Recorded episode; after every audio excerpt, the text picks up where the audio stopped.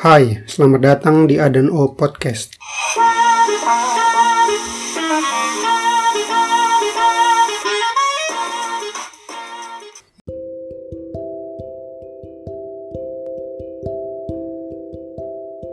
Selamat datang kembali di Adan O Podcast.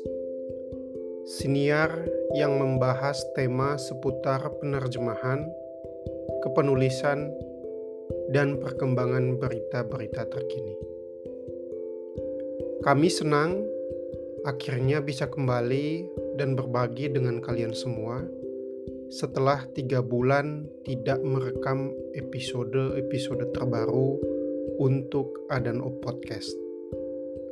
Oleh karena itu, sebagai pembuka episode kali ini, kami merasa bertanggung jawab dan harus menjelaskan mengapa Adan O Podcast sempat absen sejak pertengahan bulan Maret lalu tanpa pemberitahuan sebelumnya. Sebenarnya, hiatus ini memang tidak direncanakan dan terjadi begitu saja. Dadakan.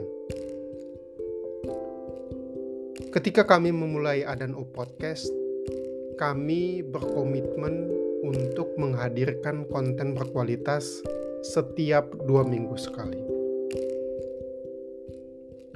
Namun, ada kalanya kehidupan memberikan tantangan yang tak terduga. Kami sempat berada dalam suatu fase yang membuat kami kewalahan untuk membagi waktu, baik yang berhubungan dengan pribadi maupun kehidupan profesional kami.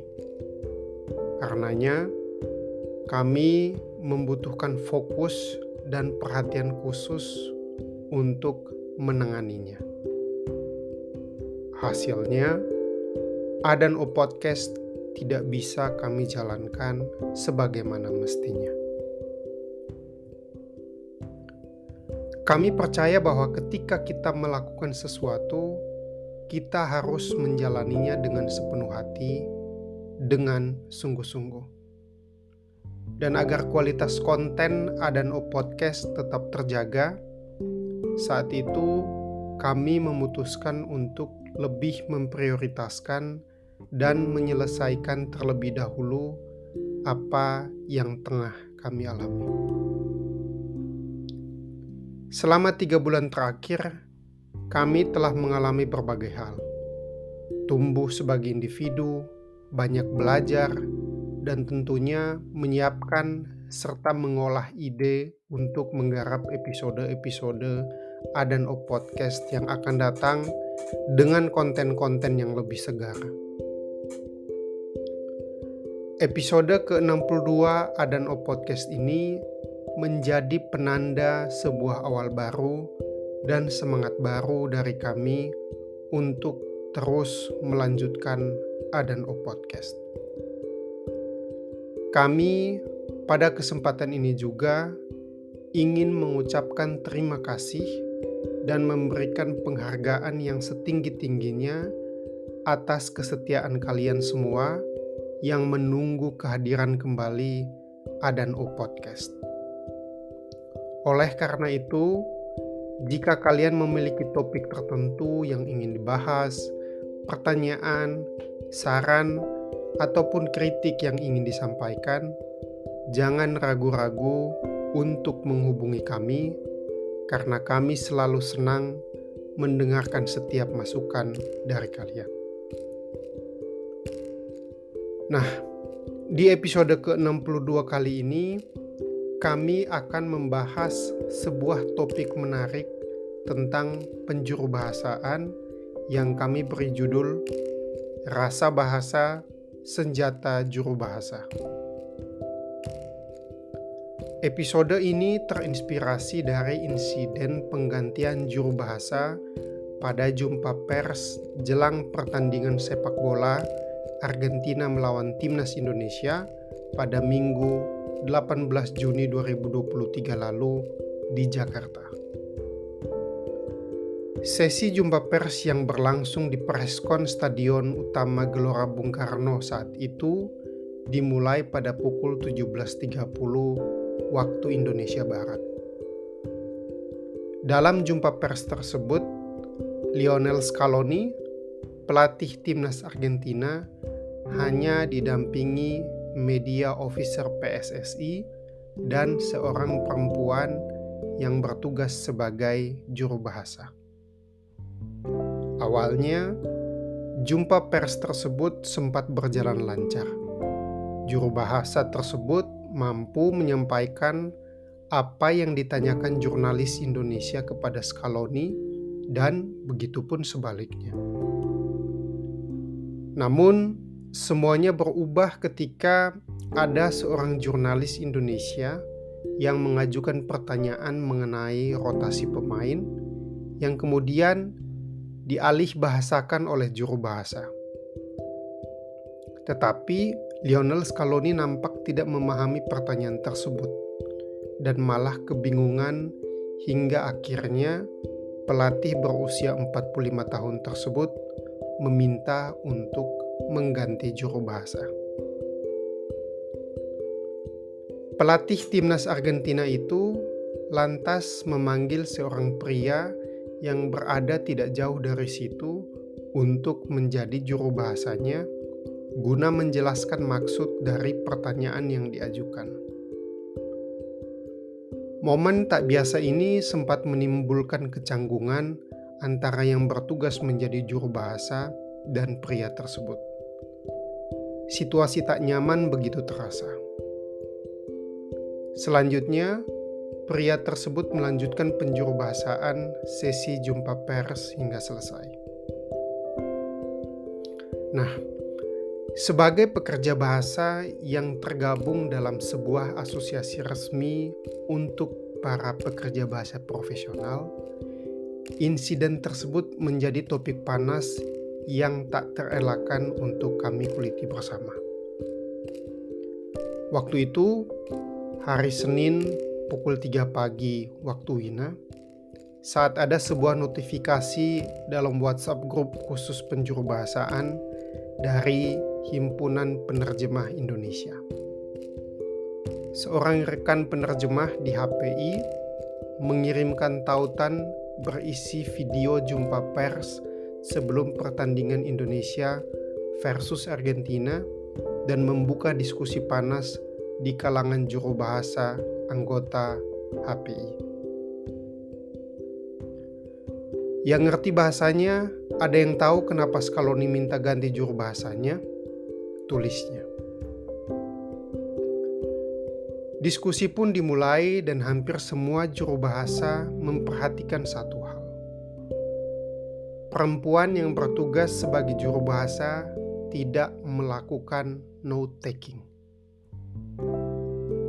Bagaimana mungkin seorang juru bahasa profesional tidak berbekal pena dan kertas? Bagaimana bisa proses penjuru bahasaan dapat berjalan dengan baik jika juru bahasanya tidak mencatat informasi-informasi penting agar mudah diingat saat mengalih bahasakannya nanti? Usut punya usut perempuan yang bertugas sebagai juru bahasa pun pria yang menggantikannya, dua-duanya tidak berprofesi sebagai juru bahasa. Mereka adalah anak diplomat atau keluarga dari pegawai di Kementerian Luar Negeri Indonesia yang kebetulan berada di situ karena bertugas sebagai liaison officer dalam hal dalam hal ini dalam acara tersebut.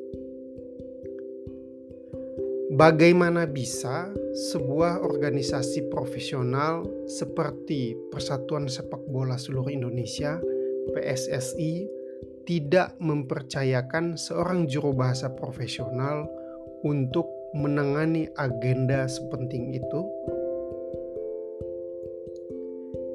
Sikap PSSI seolah acuh dan sejalan dengan anggapan serta kebiasaan orang kebanyakan bahwa asalkan seseorang bisa berbahasa asing, dia pasti mampu menjurubahasakan dari dan ke dalam bahasa tersebut. anggapan ini sangat sangat sangatlah keliru dan bahkan sudah pernah kami bahas di episode ke-25 Adan Podcast yaitu 9 sesat pikir tentang profesi penerjemah dan juru bahasa. Berkaca dari insiden jumpa pers tersebut, penting untuk diingat bahwa jumpa pers tersebut melibatkan banyak pihak dengan beragam latar belakang. Ada pelatih, jurnalis, official, dan media dari berbagai negara serta budaya yang berbeda. Juru bahasa harus mampu beradaptasi dengan semua itu. Di samping tentu dia harus juga dibekali dengan informasi yang akurat terkait event tersebut. Juru bahasa dituntut untuk memiliki rasa bahasa yang mumpuni agar bisa mengalih bahasakan dengan baik dan tepat. Rasa bahasa memungkinkan juru bahasa menerjemahkan pesan dengan tata bahasa budaya, dan konteks yang tepat. Selain itu, juru bahasa pun harus memahami bahasa tubuh, intonasi suara, bahkan ekspresi wajah untuk menyampaikan pesan dengan nuansa yang tepat. Dalam konteks persepak bolaan, seorang juru bahasa juga harus memahami terminologi khusus dalam dunia sepak bola. Ada banyak istilah teknis, strategi permainan, dan ungkapan khas yang digunakan dalam pembicaraan seputar sepak bola. Nah, juru bahasa yang ditugaskan harus memiliki pengetahuan mendalam tentang istilah-istilah ini agar menghindari kesalahan dalam menjuru bahasakan.